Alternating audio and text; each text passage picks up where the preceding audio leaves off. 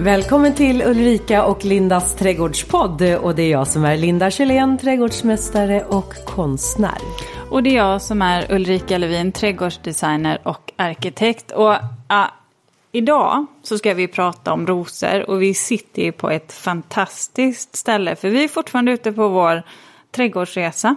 Och nu är vi faktiskt på Sofiero eh, i Helsingborg och eh, ska prata rosor. Vi kommer ha en gäst med oss också. Och nu sitter vi faktiskt i glashuset ombäddad av grönskande eh, ormbunkar och rhododendron. Och det är här du håller till, Linda, när du har eh, konstutställning bland annat. Ja, det gör jag. Så jag känner mig så hemma här. Du vet, det är något speciellt sådär när man kliver in i ett hus eh, och så möts man av dofter. Och blundar jag, då tror jag nu att jag står här omgiven av mina tavlor. För här har jag de, under tre års tid haft just eh, konstutställningar i glashuset. Mm. Och eh, det är ju så här att nu kommer ni kanske höra lite ljud för vi har ju öppnat dörrarna här så vi hör lite fågelknitter, kvitter menar jag. Fågelkvitter, knaster från skor för folk går ju utanför här. Och lite barn eh, som också springer runt. Så att ni får ha överseende med det helt enkelt. Eh, Melinda, då är jag lite nyfiken. Vad har du för förhållande till rosor?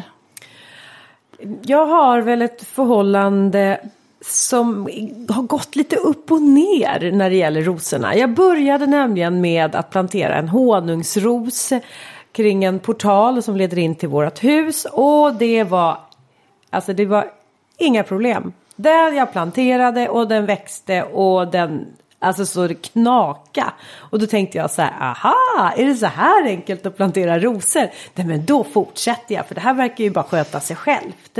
Och då planterade jag en Stanwell Perpetual. Mm. Mm. Och då så blev jag tillsagd när jag planterade den där att det här är en bra ros om du också vill ha en klättrande ros. Så Ja, precis. Det där med information om det mm. ska vara rätt också. Mm. Men då lyder man informationen och jag tänkte bra, då ska jag sätta den nedanför våran altan och så ska den få ledas upp här på räcket och börja och eh, eh, växa det hände ingenting. Nej. Alltså det hände ingenting och den var inte så himla rolig att ta hand om och så här försöka, jag försökte liksom sätta upp den lite på några, jag gillar ju så här naturliga växtstöd så att jag hade några grenar som jag satte ut men alltså herregud vad taggigt mm. och Dante. Och så blommar den lite återhållsamt och ungefär där kände jag nej, jag skiter i det här med rosor. Nej, alltså det, jag, jag tror jag hellre planterar en klimatisk summer snow istället och det gjorde jag. Och då blev jag ju liksom, det blev en djungel där hemma. Mm. Um, men sen så läste jag ju på om att om man har en ros som är sagd som buskros men du vill ha den som att den ska börja klättra. Då måste man ju kanske också inte bara sätta dit något litet växtstöd utan du behöver kanske hjälpa till och um, faktiskt göra det på riktigt ordentligt en klättervägg åt den här rosen. Mm. Så nu fem år senare så har jag gjort en liten klättervägg och bara på den här säsongen och nu pratar vi att det har gått ungefär en och en halv månad i lövat bladverk så har Stanwell Perpetual tagit sig. Det är ju en fin ros, ja. annars jag tycker om den. Ja. Det är... Den är ju tålig som attan. Ja. Så att nu är jag ju lite sugen på kanske ändå att jag ska ge rosorna en chans i min trädgård. Mm. Det tycker jag låter bra. Mm. Jag älskar ju rosor. Ja, du gör det. Uh, och det kanske, trodde du det med tanke på? Jag trodde nog mer att du var en rhododendron uh, tjej. Ja, nej, jag, uh, jag, jag är förälskad i rosor. Nej men vänta nu, jag tycker ändå du känns ju inte så här äh, romantisk och... Utan du känns ju lite mera... Mm, mm, men... Äh, vintergrön. Ja, men så att säga alla har vi våra svaga punkter och rosor är min. Jag oh. tycker de är så fantastiska och framförallt är det så här att jag äh, älskar doften och när jag bestämde mig för att byta bana och bli trädgårdsdesigner då hittade jag två böcker från Lars-Åke Gustafsson som man ändå måste säga är en rosexpert av rang. Eh, och det blev ju som mina två biblar. Så att jag lusläste ju de här från perm till perm. Ja, du, din den här rosboken, den, den har jag tittat på. Den, var, den är ganska sliten. ja, den saknar, jag tror det är en perm som sitter fast. Ja. Jag, jag får hantera den varsamt nu för tiden. Eh, så att eh, jag tycker det, rosor är fantastiskt eh, och jag har ju fått förmånen att plantera många rosor ute hos mina kunder både i historiska miljöer eh, i, i en slottspark, Fåne slott till exempel. Eh, men också eh, ja, men i olika delar av Sverige och här nere i Skåne där vi befinner oss nu. Där kan det vara helt fantastiskt att odla rosor. I min egen trädgård så, ja jag försöker.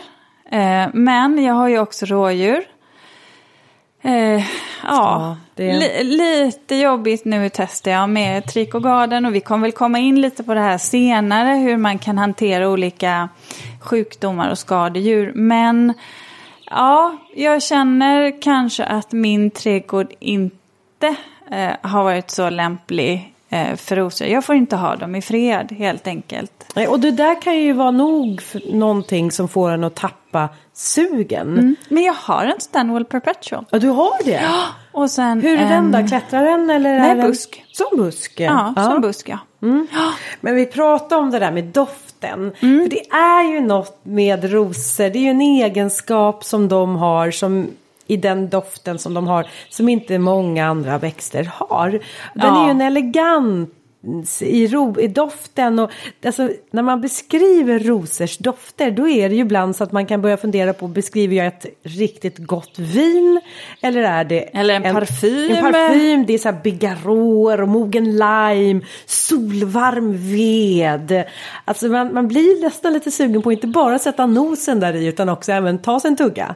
Ja, ja, och framförallt så får jag alltid känslan av att jag vill knipsa av några blommor och du vet bara att ta med ja, mig dem. Ja. ja. Jag brukar oftast, eh, i varje fall eh, när jag är nere i Skåne på somrarna, så brukar jag eh, klippa av eh, rosorna och ta med dem in i sovrummet. För jag tycker det luktar så himla härligt. Oh la la säger jag, för mm. rosor mm. kan ju också vara, ha, de är liksom mytomspunna. De mm. är ju med dofterna. Det är ju någonting man kan ha. Vem har inte fått en röd ros eller röda rosor av den man håller kär? Men det måste jag säga, om det är något jag tycker är tråkigt. Så är det stereotypt att få en röd ros. Röda rosor. Alltså för mig är inte det, ja det är klart att det är rosor, men där tycker jag att rosorna saknar sin charm.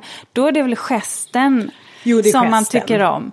Men, men som ros så, så tycker jag de här vanliga röda snittrosorna är ganska trista ja. i sitt utseende. Ja. Men det här med mytomspunnen eh, blomma, det, det stämmer ju verkligen för att vi har väl, vi människor har ju omgett oss med rosor, ja, cirka, du vet 4700 år i alla fall. Och då har 4700 ja, år? Minst. Och då har man ju hela tiden, precis som idag, alltså man har varit ute efter doften och, och att utvinna rosenolja, rosenvatten som, som används i matlagning. Eh, kosmetika och mediciner. Och det är väl framförallt våra kulturrosor då och de har ju utvecklats under väldigt lång tid. Eh, dels i Ostasiat, Ostasien. Mm och sedan i Främre Orienten och Europa. Romarna var ju omåttligt pop, alltså förtjusta, förtjusta. I, i rosor. Det, jag tror att de dyrkade rosorna. Och idag så är ju också rosorna viktiga till exempel för eh, medborgarna i Iran. Man utvinner ju fortfarande den här rosenoljan och de, där är det ju ett mecka egentligen. Där har man ju en väldigt stor produktion av det här. Så det är ju en, en gammal växt. Men om du tänker på ett land som är ett sånt där rosland. Jag tänker på England. Men när vi har, nu har gått runt och, jag, och tittat på mycket av rossorter så är det så väldigt svåruttalat. Det är så mycket, det är franska namn. Mm. Eh, och det är just namn som eh, liksom Isfahan eller Ja. Mm. Sa jag rätt nu? Ja. ja. ja, ja. Eh, Men eh, ja, sen har vi ju då såklart då ehm, de engelska rosorna, Austin-rosor till exempel. Men för mig är ju rosor engelskt. Men det känns ju inte som att det är det när man tittar på historien. kring Jag dem. tänker Mellanöstern, Persien, jag tänker Iran när jag tänker eh, rosor. Sen har du ju faktiskt både, eh, eh, även i Kina och Japan har man ju odlat eh, rosor länge. Det ska bli spännande att få prata med eh, vår gäst.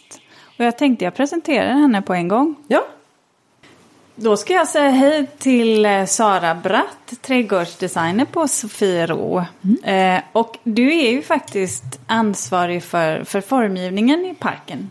Eh, och jobbar ju en hel del med era rosor. Jajamän. Och jag frågade ju Linda tidigare om vad hon hade för förhållande till rosor.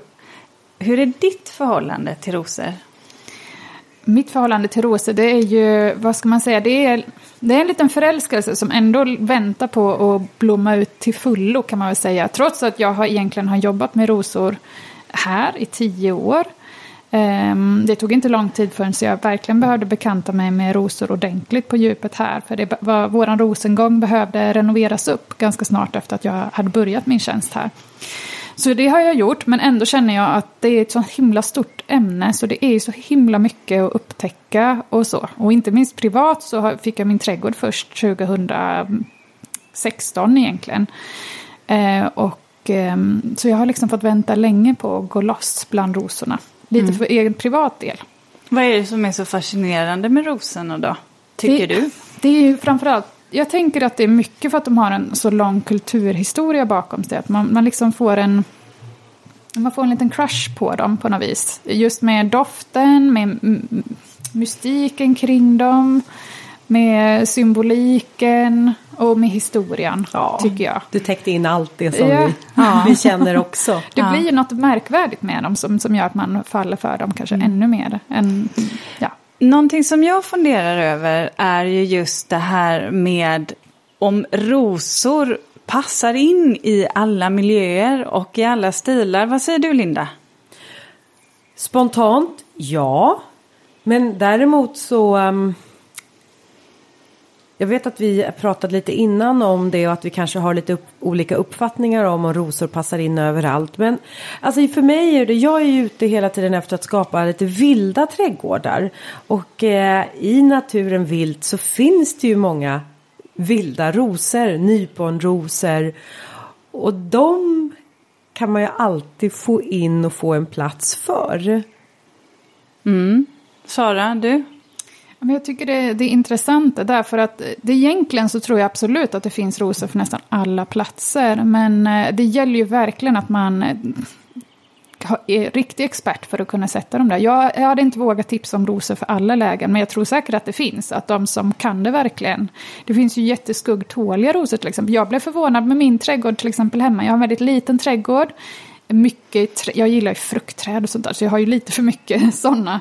Så det resulterar i en ganska torr och mörk trädgård. Och det är mycket växter som jag får liksom ja, men jag får hålla mig från att odla. Men däremot rosorna har jag tänkt att jag sätter dem där så länge så försöker jag hitta en bättre plats, gräver en ny rabatt för den där. Och de har alltid förvånat mig hur tåliga de är mot både torka och skugga. Um, hur, så- hur, vad har du för skuggtålig ros då som du... Eh, Jag tror inte att, att de kanske... Jag har en ros till exempel, eh, en Austin-ros som heter Harlow Carr. Eh, Och jag tror inte den är angett, att man anger den som något speciellt skuggtålig ros. Men den förvånade mig och trivdes jättebra. Jag har också en annan ros, en gammal ros som har stått i trädgården sedan innan. Som, jag, som står i totalt mörker nästan under mitt mullbärsträd. Mm. Och vi, det där är ju också med skuggtåliga rosor. Eh, vi tar bara en liten paus här nu. För det är en bålgeting. Det är en stor jäkel. Ja, Ja. gud som har flugit in. Så här är det om man Ja. sitter halvt utomhus Ja, så att jag såg att ingen av oss riktigt kunde koncentrera sig medan Peter då, vår handyman, såg till och eh, få ut den här levande, ska vi tillägga. Nej, och vi kan väl komma tillbaka till det tycker jag just om eh, vilka odlingsvärda sorter och för vilka lägen, alltså vilka rosor vi skulle föreslå. Jag kan ju också tycka stilmässigt att rosor på ett sätt är ju per automatik romantiska, men jag kan också tycka att man kan blanda in dem i en eh, modernare och mer stramare trädgård också. Det beror lite på hur man eh, sätter ihop sina planteringar i så fall. Mm. Och vilken Absolut. typ av ros man, man väljer mm. att, eh, att använda. Mm. Faktiskt. Men det, det är som om man nu tänker på man har kanske en eh, portal eller man har någon pergola och så vill man ha någonting som är en klätterväxt här på. Och då finns det ju väldigt många olika klätterväxter att välja mellan. Men om man vill ha in en klätterväxt som också har doften. Mm. Jag har svårt att tänka mig en annan än en ros. Mm. Ja, kaprifol kanske många så funderar på men jag kan ju, då kan jag hellre tycka att kaprifolen passar som en marktäckare. Mm. Men, eh, men just att ha rosorna för att de har doften. Mm. Mm. Absolut. Ja, ja, ja. För mig, för mig är ju det egentligen den stora poängen med att ha rosor. Mm. Doften. Jag är ju alltid med näsan i, i blomman. Man kan inte, det, ser, det, det ser jätteroligt ut när min familj, när vi brukar vara ute då i trädgårdar och parker och eh, det då är många rosor, då ser man ju typ bara en rumpa. Mm. För jag står ju med huvudet ner, ner i, eh, i busken. Men eh, någonting som jag också tycker är viktigt när det gäller rosor, det är ju det här att eftersom rossläktet är så brett så finns det ju också väldigt många rosor som är ganska krävande. Du var ju inne på det Sara. Mm. De är ganska krävande både när det gäller skötsel, de kan bli skadedrabbade och för mig så är det för mig så är det så att jag väljer, framförallt när jag jobbar mot mina kunder, så väljer jag rosor som är friska och som är härdiga. Mm. Hur, hur tänker du Sara här på Sofiero? Hur jobbar ni här? Jag tänker man har egentligen nästan inga ursäkter för att inte göra som du säger om, om man ska ha sin professionella heder i behåll. För det finns ju friska och tåliga rosor så egentligen finns det ingen anledning att, att välja någonting annat. Men jag kan säga hemma där har jag någon liten annan. Där tänker jag liksom, i och med att jag har en sån liten trädgård. Om jag förälskar mig i en ros så tänker jag att ja, men då kan den den kan få kräva lite gulligt av mig. Eh, jag kan eh, liksom offra det på den. Eh, om den ger mig lite blommor tillbaka.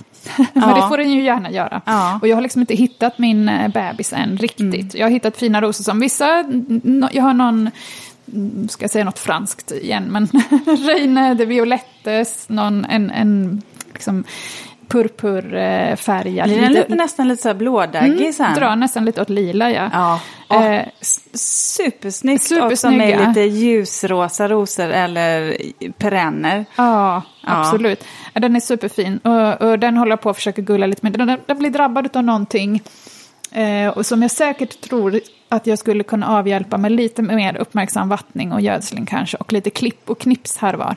Mm. Just nu i mitt liv så, så um, finns det inte så mycket tid för sånt. Men jag tänker det i framtiden kanske. Mm. Men annars så tycker jag generellt absolut att man, man måste använda friska rosor. För det är inte så mycket som biter heller på de här sjukdomarna som vissa rosor kan få. Överhuvudtaget tänker jag, jag som, som, jobbar, som jag jobbar som designer så är det rätt växt på rätt plats som gäller. Ja. Och då undviker man nästan alla skadedjur på alla växter, mm. i min erfarenhet. Mm. Att, eh, och, och, det där kan ju också bli viktigt för att beroende på ros, vad rosen har för eh, funktion så är det ju också så att ibland är man ju beroende av bladverket också när rosen, om vi tänker nu på gammaldags mm. buskrosor som, som kanske bara blommar en gång mm. per säsong. Då är det ju ganska tråkigt om bladen har fått svartfläckssjuka mm. och mer eller mindre har trillat av. Mm. Det pryder inte sin plats då. Men om vi pratar om en frisk sort som vi alla så här, år kunde enas om att det här var en ros vi tyckte om så var det ju den här rosen som jag tyckte det lät som ni stod och svor när ni uttalade den. Isfahan. Is, Isfahan, kom Isfahan. vi Hette den så? Isfahan, Isfahan. Okay, så här stavas det i alla fall. I-S-P-A-H-A-N. Mm. Issa. Isfahan. Ja, Isfahan. Mm. Och den Ja. kommer ju egentligen från, eh, det är ju en persisk ros. Damascena-gruppen. Ja, eh, som, eh, och har fått sitt namn av staden Es- Esfahan. Esfahan. Och det här, är, det här är ju min favoritros nummer ett. Det var, den, det var min kärlek. Eh, dels för att den har så stora fyllda blommor. Alltså det ser ut som man har så här silkespapper som sitter så här tätt, tätt, tätt ihop. Och så blir de så här skålformade och vänder sig nästan lite ut och in sen när de har blommat, eh, verkligen blommat över, på väg att blomma över. Och sen har den en doft som är ja, men stark till medelstark. Riktigt, riktigt sån där, om man skulle definiera en rosdoft så tycker jag att ja, då är den rosen ett praktexempel på det. Och sedan så är den ju, ja men den skulle jag räkna som frisk faktiskt. Eh, och jättefint bladverk, dryga kanske runt meter någonstans där omkring i höjd. Eh, älskar den. Du pratade om en annan ros också som ni använder här på Sofiero. Både som en buskros i rabatten men som också fungerade lika fint att ha som en klätterros. Ja, eh, och det är ju också ett franskt namn som jag ska säga på min hobbyfranska. Gish- Gislain de Feligon heter den, tror jag. Någonting sånt. Men den, den, eh, den har ju verkligen, den, fast den har ju allt förutom doften tycker jag. Den har ju helt klart en doft, men den är väldigt svag enligt min åsikt. Men annars så har den det mesta. Den har en vackra färgskiftningar, får stora klasar med många blommor och va- vackra färgskiftningar från lite vitt till lite um, aprikosaktigt gult. Ja, lite lax. Ja, den är snygg alltså. Ja, det var Jättefin.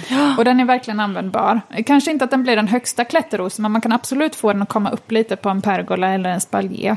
Eh, men samtidigt ha den som buskros. Och oändligt friskt, alltså Ja. fantastiskt friskt bladverk. Ja, och den, jag, jag kan tycka att den är så härlig för den, den, den bara väller över. Ja, det den blir gör så den här, verkligen. Åh, den, är, den är också så här en bra ros. Mm.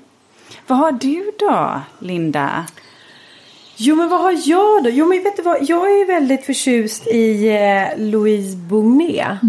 Eh, som är en ros som, eh, och även Therese Bournet tycker jag också väldigt mycket om. Och det är också friska sorter. Eh, buskrosor som också rådjuren verkar tycka mindre om.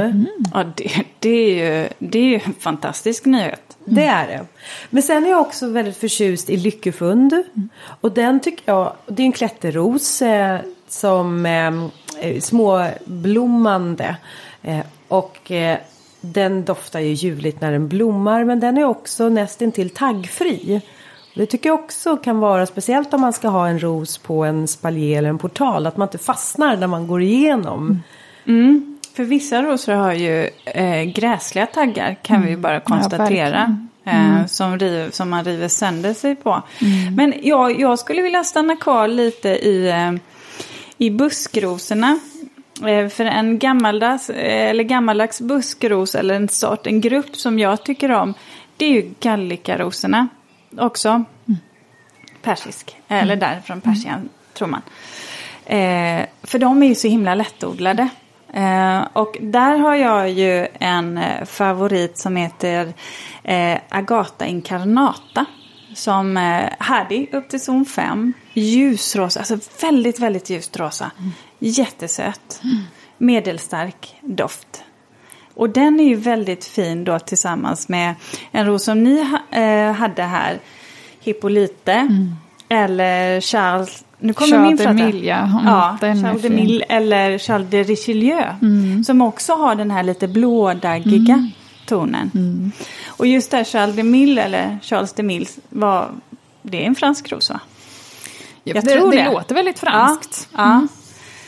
Eh, den tycker jag också är så fascinerande. För jag vet inte om ni har gjort det någon gång. Men att om man luktar, så om man doftar på den utslagna blomman. Så har den en ganska tydlig rosdoft. Men om du luktar på en knopp som precis är på väg att slå ut. Då doftar den lite som, ja, lite av citrus faktiskt. Så att rosorna doftar ju olika beroende på hur långt de är. Alltså hur långt de har kommit i blomningen. Det har jag inte tänkt på. Nej. Nej. Men däremot så, så måste man ju liksom träffa rätt stadium på blomman känns det för att man ska få mycket Ja, doft från dem. så är det ju. Och där tycker jag också att rosorna eh, kan vara väldigt vackra när det gäller, eh, alltså att själva knoppningen kan vara vacker. Som den eh, rosen vi tittade på, Linda, Albarosen, Madame Plantier. Den har ju väldigt vackra knoppar. Jag tyckte att det såg ut som små tiaror, eller nej, små kronor. Ja. ja, sådär som eh, en liten eh, prinsessa har på huvudet. Eh, De var väldigt eh, näpna. Ja, och det här är ju också en gammaldags buskros som passar in i en, ja, men en klassisk trädgård skulle jag säga. Lite vek, så att den behöver man nästan staga upp. Men eh, jag måste ställa en fråga till dig Sara. Och det är, eh, vi pratar om gammaldags rosor och vi är på en ganska historisk plats här på Sofieros slott. Och Margareta var intresserad av trädgård och odling och anlade en privat trädgård här. Vilka rosor finns kvar från hennes tid? Det var faktiskt lite intressant när jag började här och fick den här, det här uppdraget med att titta över rosrabatten. Naturligtvis så vill man gå tillbaka till källorna lite grann och Margareta har ju, det finns ju massa fina skisser från hennes tid här och hon var ju duktig på design och både tänka ut och faktiskt skriva ner och rita upp det hon tänkte. Men tyvärr så var det, använde hon ju så väldigt mycket av de rosorna som var populära under den här tiden och som eh, inte har liksom hållit sig till idag. Ut, och av den stora anledningen egentligen att de inte håller sig friska, de rosorna. Utan eh, det är sådana eh, teroshybrider som, som är väldigt sjukdomsbenägna. Vad jag förstått, de sorterna. Som har varit. Det finns en ros som vi har kvar eh, som lär ha varit hennes favoritros eh, och den heter Dorothy Perkins. Den har vi på våra pergolor här. Ibland är den helt fantastisk men den har ju eh, en benägenhet tyvärr att få väldigt mycket mjöldagg. Och du och det är typiskt visade- för den här sorten också. Ja, Ja. Du visade den också och berättade Ja. så vi kunde själva se. Ja. Mm. Trots att det ändå har kommit rätt mycket regn i vår och sådär. Men det, det dyker alltid upp den här mjöldaggen nästan hur man än gör. Mm. Mm.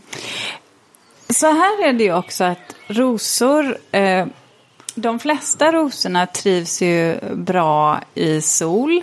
Men det finns ju också lite mer skuggtåliga rosor. Har ni några tips? Har du några tips, Linda?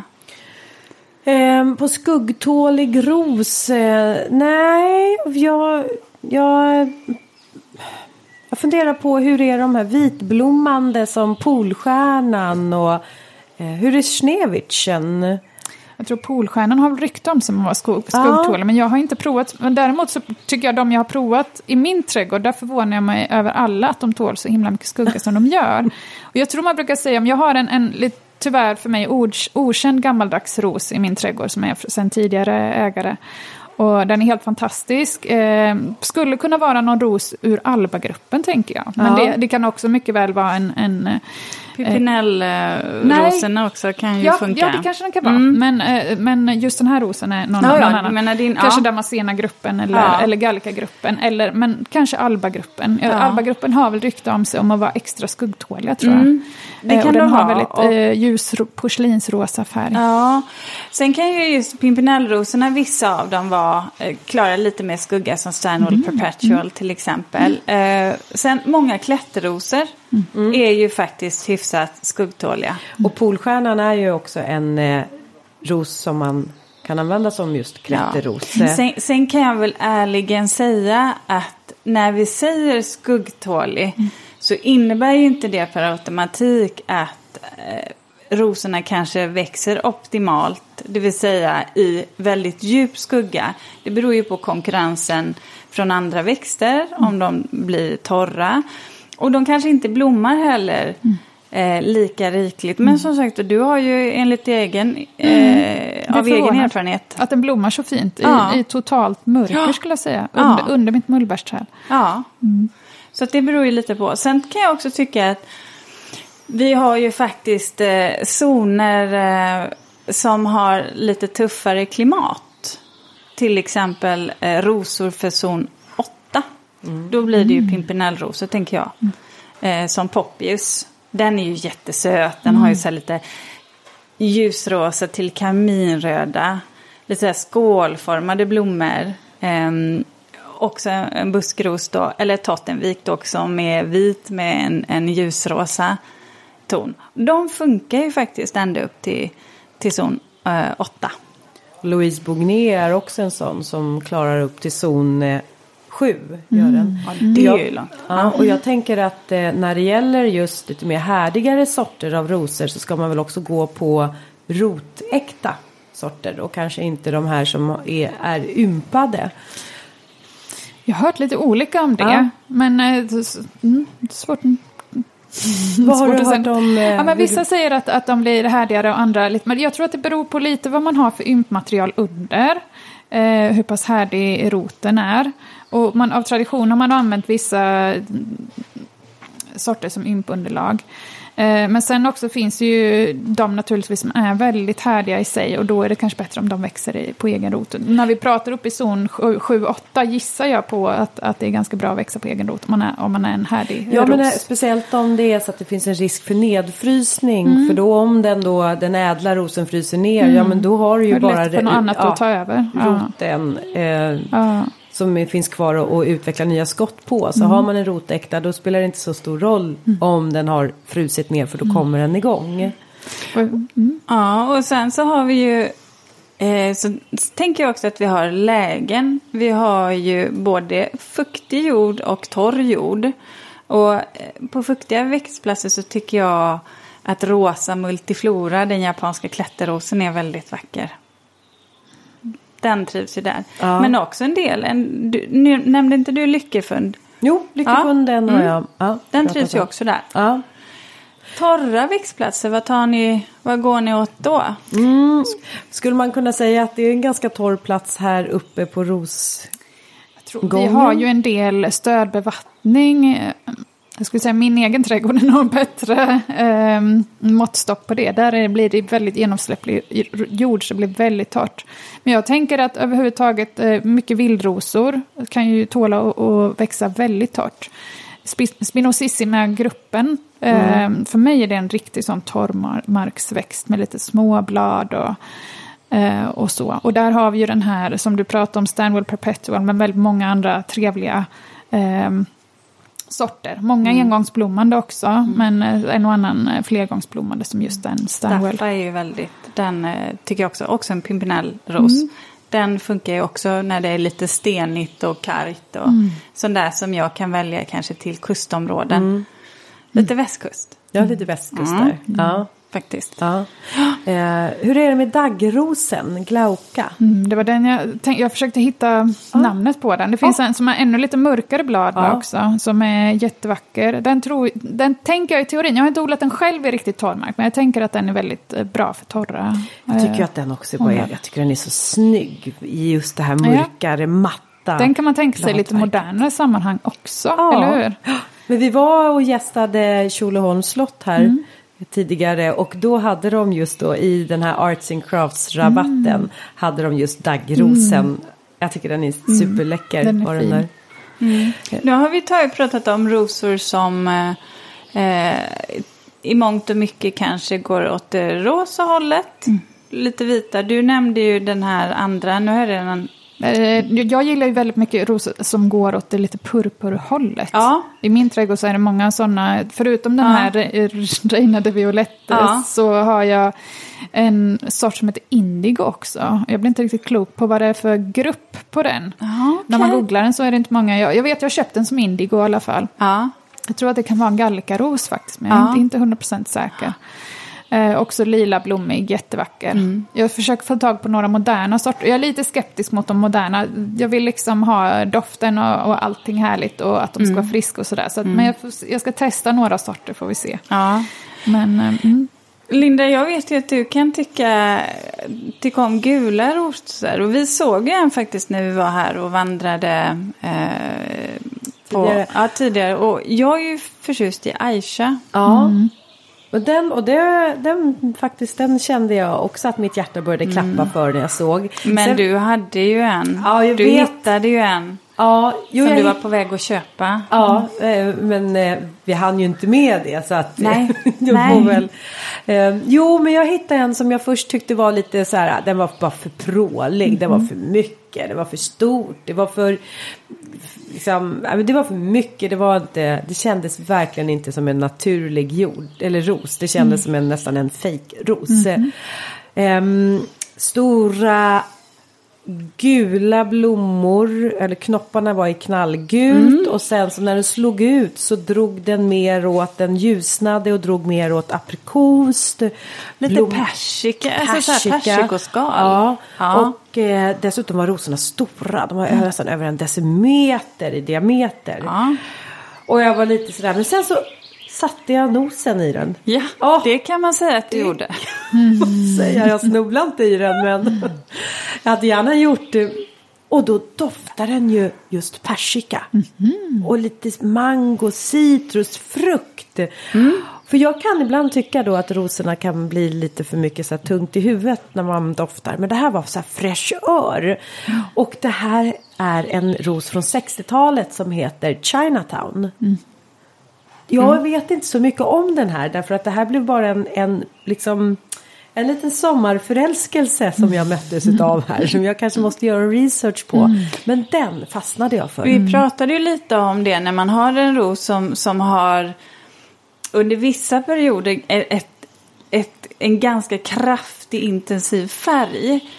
Att det där kändes som en ros som inte kanske är jätteenkel att kombinera med, med andra växter. Men du nämnde några när jag frågade dig vad, vad hade du satt ihop med en sådan ros? Och då säger jag att jag skulle sagt något. Eh, det kan vara ett ettårigt eh, eh, prydnadsgräs. Eh, något som sådär är lite ymnigt. Som väver in den här eh, rosen. Och sen så kanske några spiror som tittar upp i någon sådär aprikos, eh, rosa fingerborgsblommor till exempel.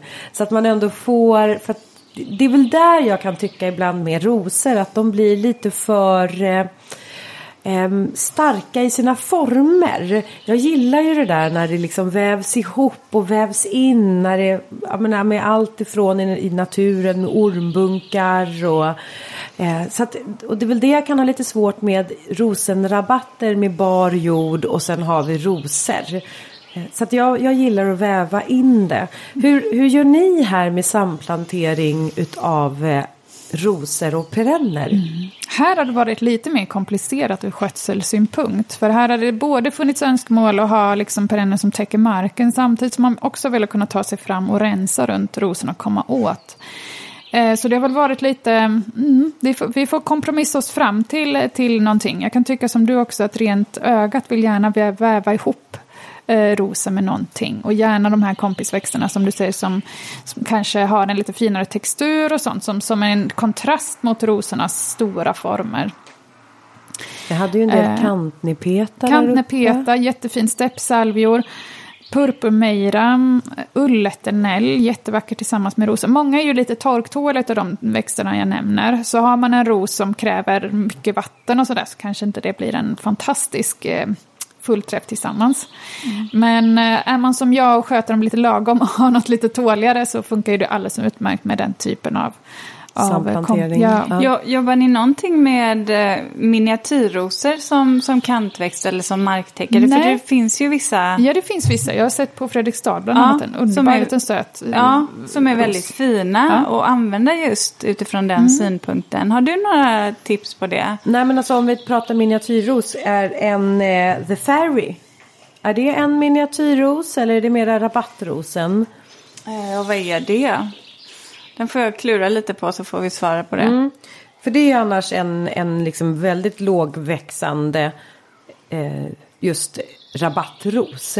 Den är väl framodlad som en marktäckare, Ja. tänker jag mig. Jag kan Och tycka den är, att den är är... frisk, men det är en frisk Ja. sort. Jag vet, jag kan bara tycka att den är så...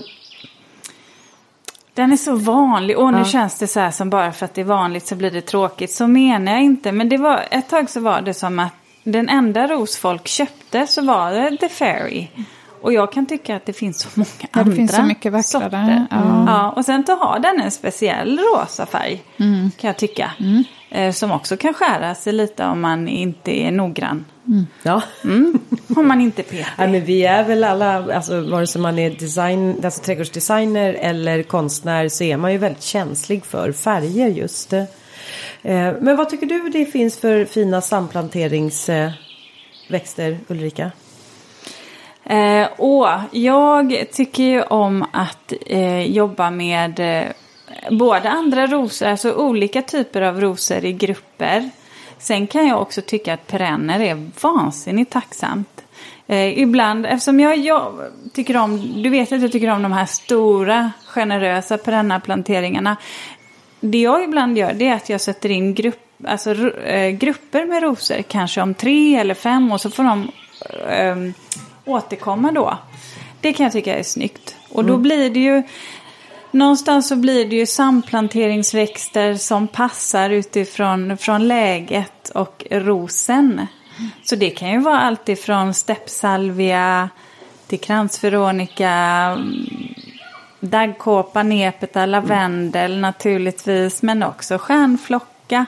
Stenkyndel kanske? Vissa hostor om det blir lite mer skuggigt. Det beror lite på faktiskt. Eh, Men eh, Sara, här på Sofiero, om du skulle nämna tre stycken eh, så här, rosor som du tycker gör sig väldigt bra och som ni alla kan enas om är trevliga att hantera. Oj, ja. Ja. Ja. Jag vet inte om jag vågar tala för alla. Nej, men, men jag nej. tror att, att den här just Gislan inte Feligon är ganska populär. Ehm, sen så har jag väl inte hört så mycket mer vilka som är favoriter. Jag kan tänka mig att de svär lite grann över de här riktigt taggiga. Alltså, jag, En sort som heter Harlow Carr som är en Austinros som är väldigt fin och blomrik. Fantastisk, eh, lättskött och trevlig. Men den har ju fruktansvärda taggar. Jag har den hemma och liksom bara klippa av en. Man får nästan ha en tång med sig och ta grejerna. För inga handskar klarar av de taggarna. De, de, det är ju som små hookar på dem nästan. så man blir inte av med bara- dem heller när man har fast- fastnat i dem. Nej. Så att, eh, det, de kan jag tänka mig inte är så populära, men jag har inte hört så mycket klagomål. Men om vi tar du två till då? Som är, Ja, eh, en som jag tycker är fin och tagglös, eh, som jag har vid mitt egna staket, det är väl enda nackdelen att den kan få lite, den får väldigt långa stjälkar. Men det är också en åstenros som är väldigt frisk, och det tycker jag inte alla åstenrosor är. Men just den här är väldigt frisk, och den heter Mortimer Sackler.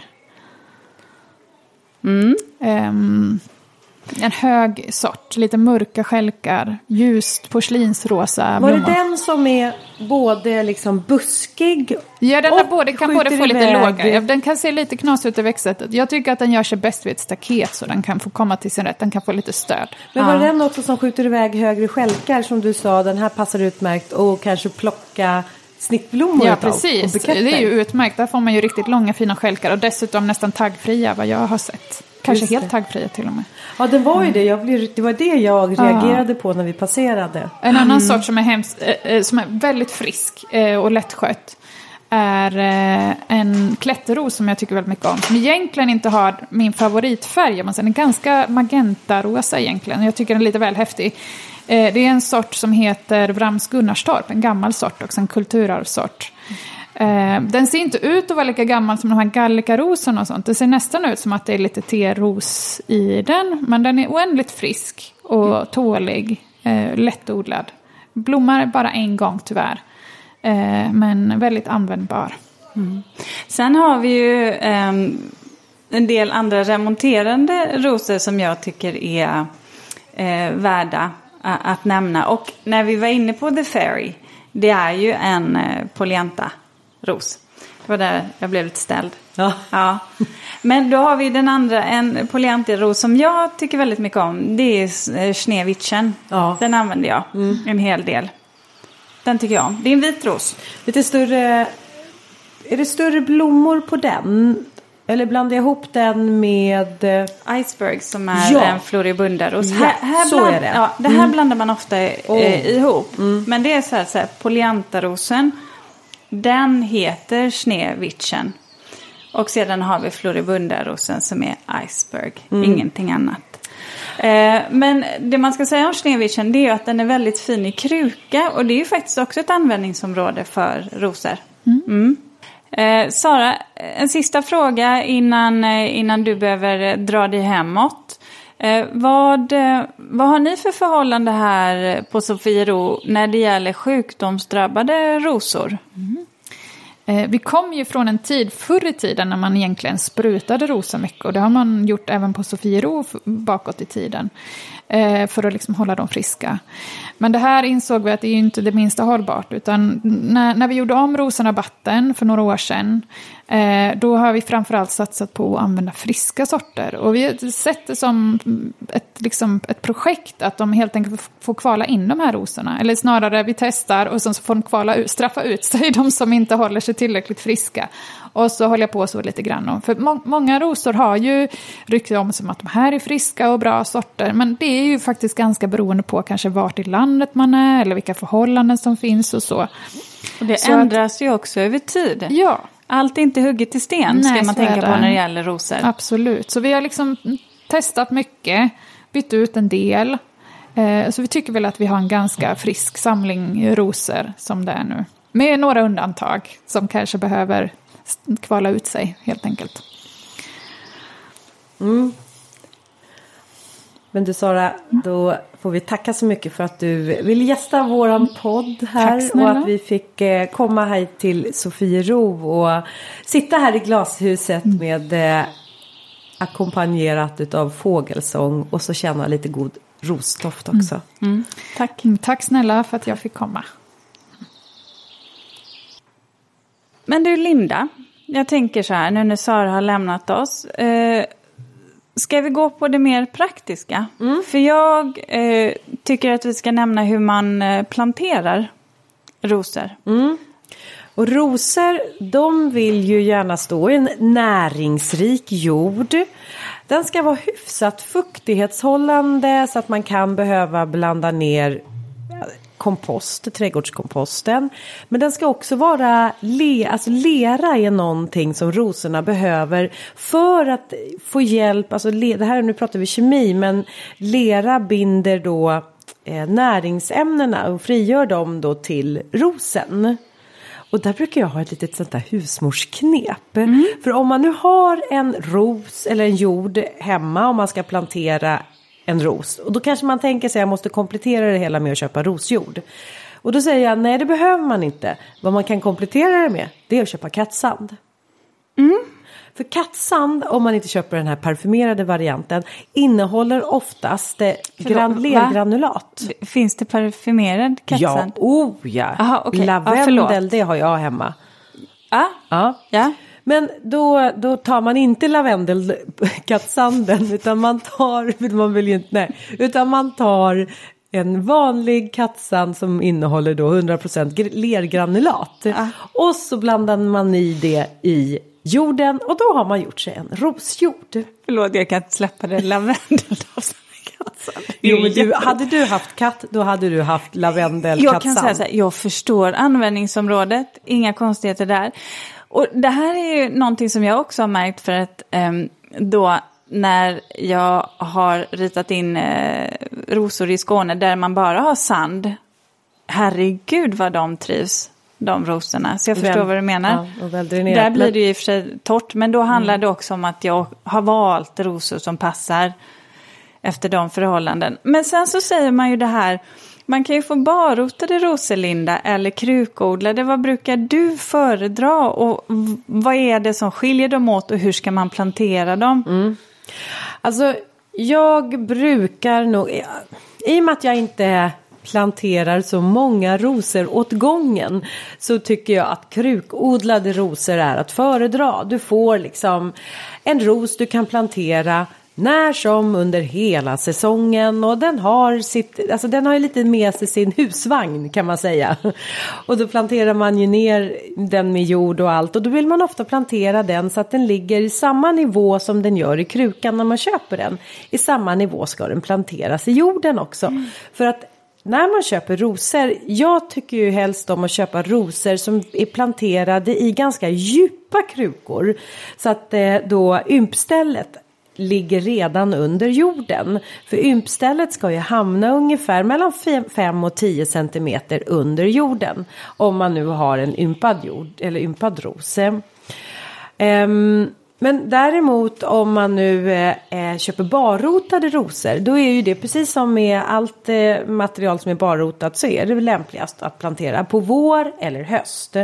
Men när det gäller rosor så skulle jag nog ändå göra en vårplantering. Mm. Jag lärde mig ett annat knep när det gäller lera mm. och barrotade växter för att de är ju ganska utsatta för eh, torka. För att det här har vi, är de ju liksom inte inne de har ju inte substratet, jorden kring sina rötter utan de kanske bara är uppdragna mm. i jorden och sen är de mm. liksom inpaketerade. Ofta är de ju också i vila när de mm. kommer. Mm. Men då kan man eh, doppa ner rotsystemet i ett lerbad. Så då kan man ta den här kattsanden igen kanske. Luckra upp den med vatten, doppa ner den i vatten, lervattnet och sen så då när det här då stelnar på rotsystemet då håller ju det också fukten kvar. Mm. Så då har du ju en, mm. en fuktighetshållande mm. grund mm. för rosen. Barrotade rosor, eh, då känner jag att då där får man ju, för det första så ska de ju inte ha torkat innan man får dem. Man får vara noggrann när man väljer rosorna om man ska ha barrotade. Och sen får man faktiskt sätta dem i vatten och sen så är det tills dess att det är dags för plantering. Och jag tycker att man ska vara snabb.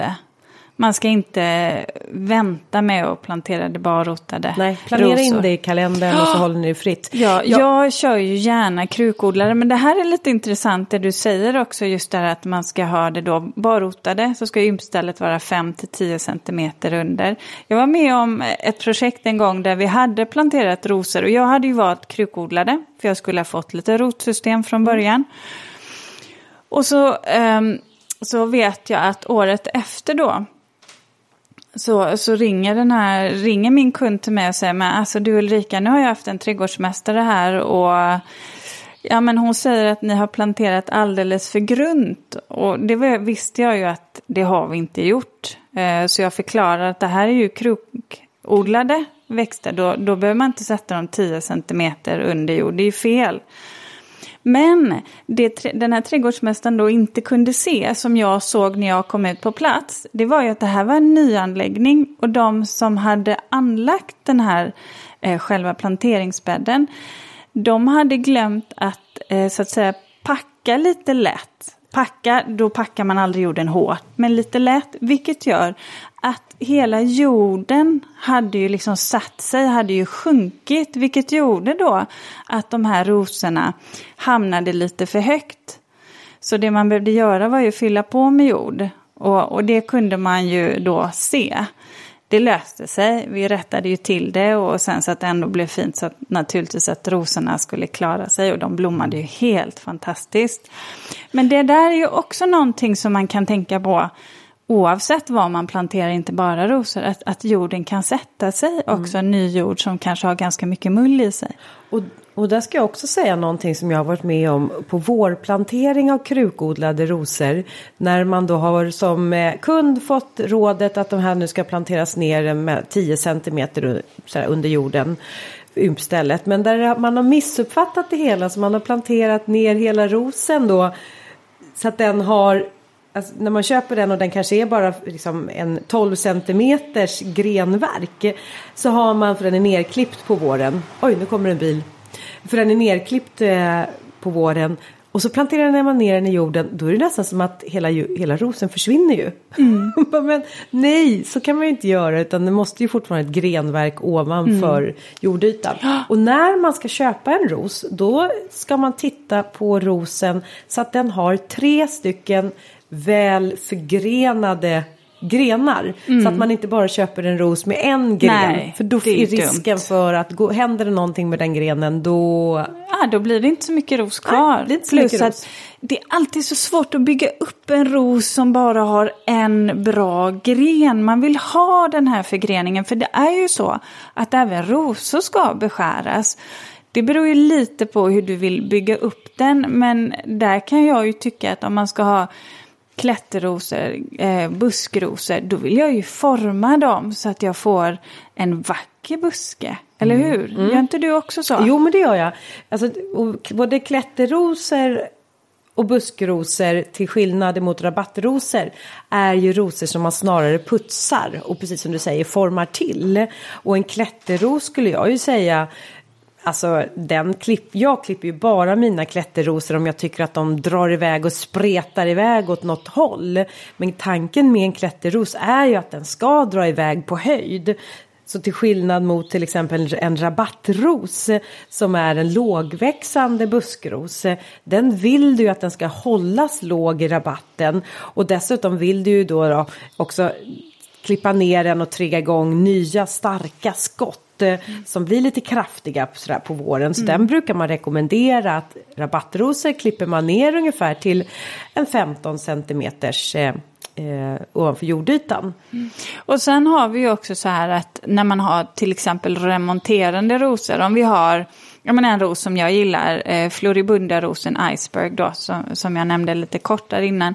Eh, den behöver man ju helt enkelt, man behöver ju ansa den lite och plocka bort de här eh, gamla blomstänglarna. Och det är ju också sådär, då ser man ju någon som går runt i sin stråhatt och Liten putsar. sekatör. Liten sekatör och putsar. Men det är ju faktiskt som du säger att man behöver gå in och putsa Ja. bort överblommat för att stimulera till ny blomning. Men också För den kommer ju hela tiden. Den är ju superfin till snitt vill jag säga.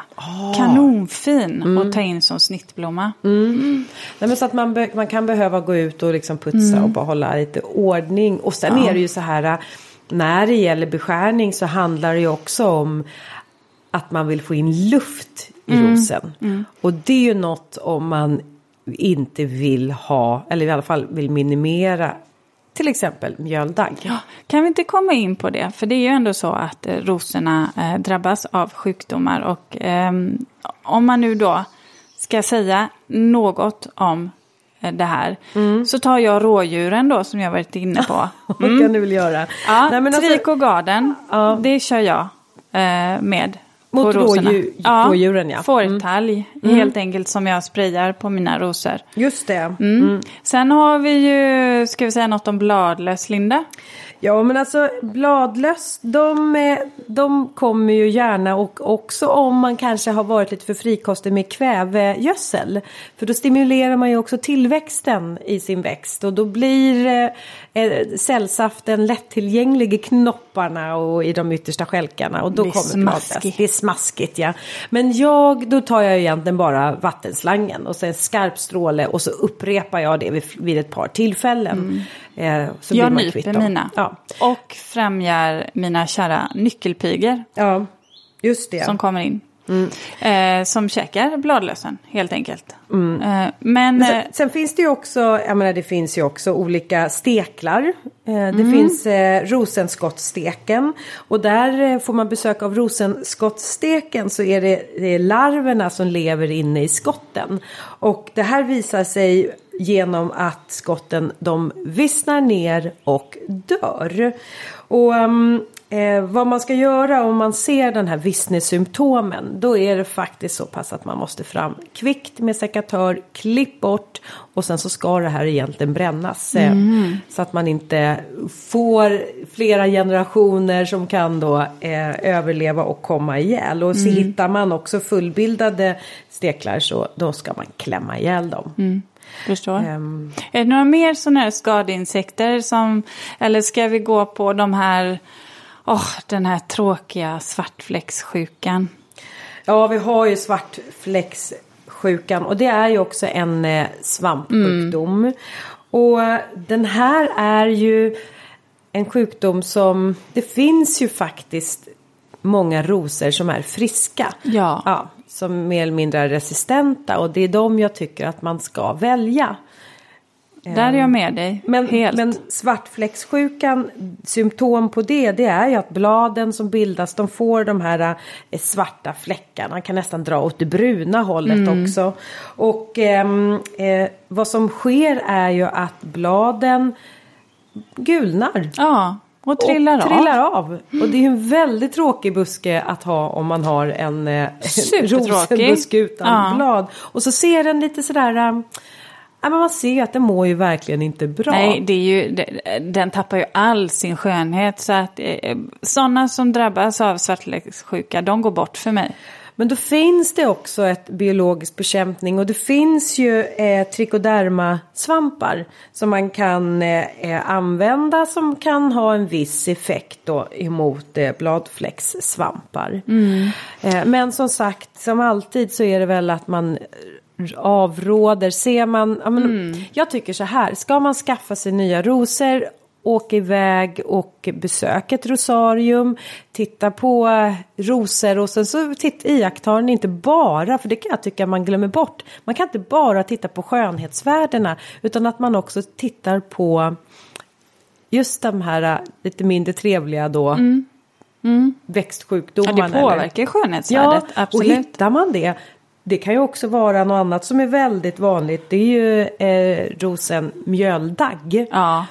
Och det ser, ser man ju då ganska eh, tidigt på säsongen att man börjar få som grå fläckar på bladen. Men det kan ju också vara hela knoppar mm. som blir som grånade. Mm.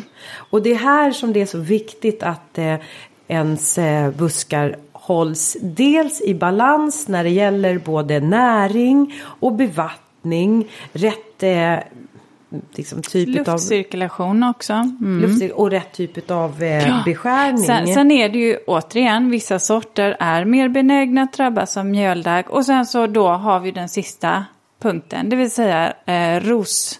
Rosrost. Rosten. Mm. Vad gör man då Linda? Ja man kan väl först titta på vad kännetecknar rosrost. Ja men det är ju att det bildas som små men de är både gula men kan dra åt det orangea eh, så sporer eh, på undersidan eh, på bladen. Och, eh, men även då på översidan så kan man också se de här fläckarna. Eh, och precis som i eh, svartfläckssjukan så vissnar bladen i förtid och så tappar då rosen sina blad. Mm. Och ehm, det som är med just eh, rosrosten det är ju att sporerna de kan ju övervintra. Så att de finns ju kvar. Så har man fått in den här då, då, liksom, då är det väldigt svårt att bli av med den.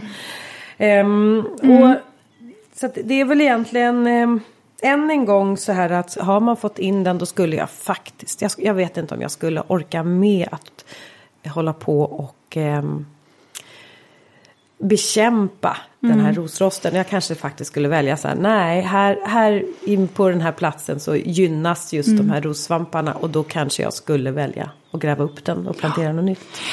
Någonting eh. som jag bara ville säga innan vi måste avsluta eh, det här avsnittet. Det, det, vi har pratat länge idag om rosor, det finns mycket att säga.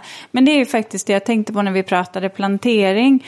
Det vill säga att när man ska sätta rosor i grupper, det vill säga har du en ros som blir en meter till exempel i diameter. Och du ska sätta i grupp om tre eller fem, du ska sätta i förband. Man kan gärna sätta dem lite tätare. Man kan dra in dem på ungefär 25 eh, 25 centimeter. Så att man drar ihop dem lite tätare. Då blir det nästan som ett lite mer sammanhängande buskage. Det kan vara ett bra tips som jag tycker man kan jobba med. Det vill säga dra in det 25 procent. Ja. Du... Minska ner avståndet, cc-måttet. Ja. ja, det där med avstånd. Och du vet, du vet så på en gång när du börjar prata siffror. Men nu var jag jättesnabb, hörde du inte jo, det? Jag vet, men jag tappade ja. ändå bort mig. Och så började jag tänka på att jag ska bjuda på ett litet eh, roligt eh, ordspråk, eller säg ja. om rosor. Då får det bli det sista ja. vi gör. Ja, och då handlar det om att rosor har taggar. Okej, okay. nu mm. får du hänga med här. För jag vet inte om du kommer förstå det här, Ulrika. Nej, jag gjorde det inte förra gången, men ta det igen, det ja. kanske har landat. Okej, okay. jo men man kan ju vara väldigt irriterad över att rosor har så mycket taggar. Oh! Man fastnar i dem. Mm. Men man kan ju också glädjas åt att taggar har rosor. Tack för att ni har lyssnat idag. Vi hörs igen nästa vecka. Hej då! Jag fattade inte den här gången heller. Men jag förstår det inte. Jag tycker bara... Vet, jo men det här är ju jo, jag förstår bara... att du ska vara positiv. Ah! Always look at the bright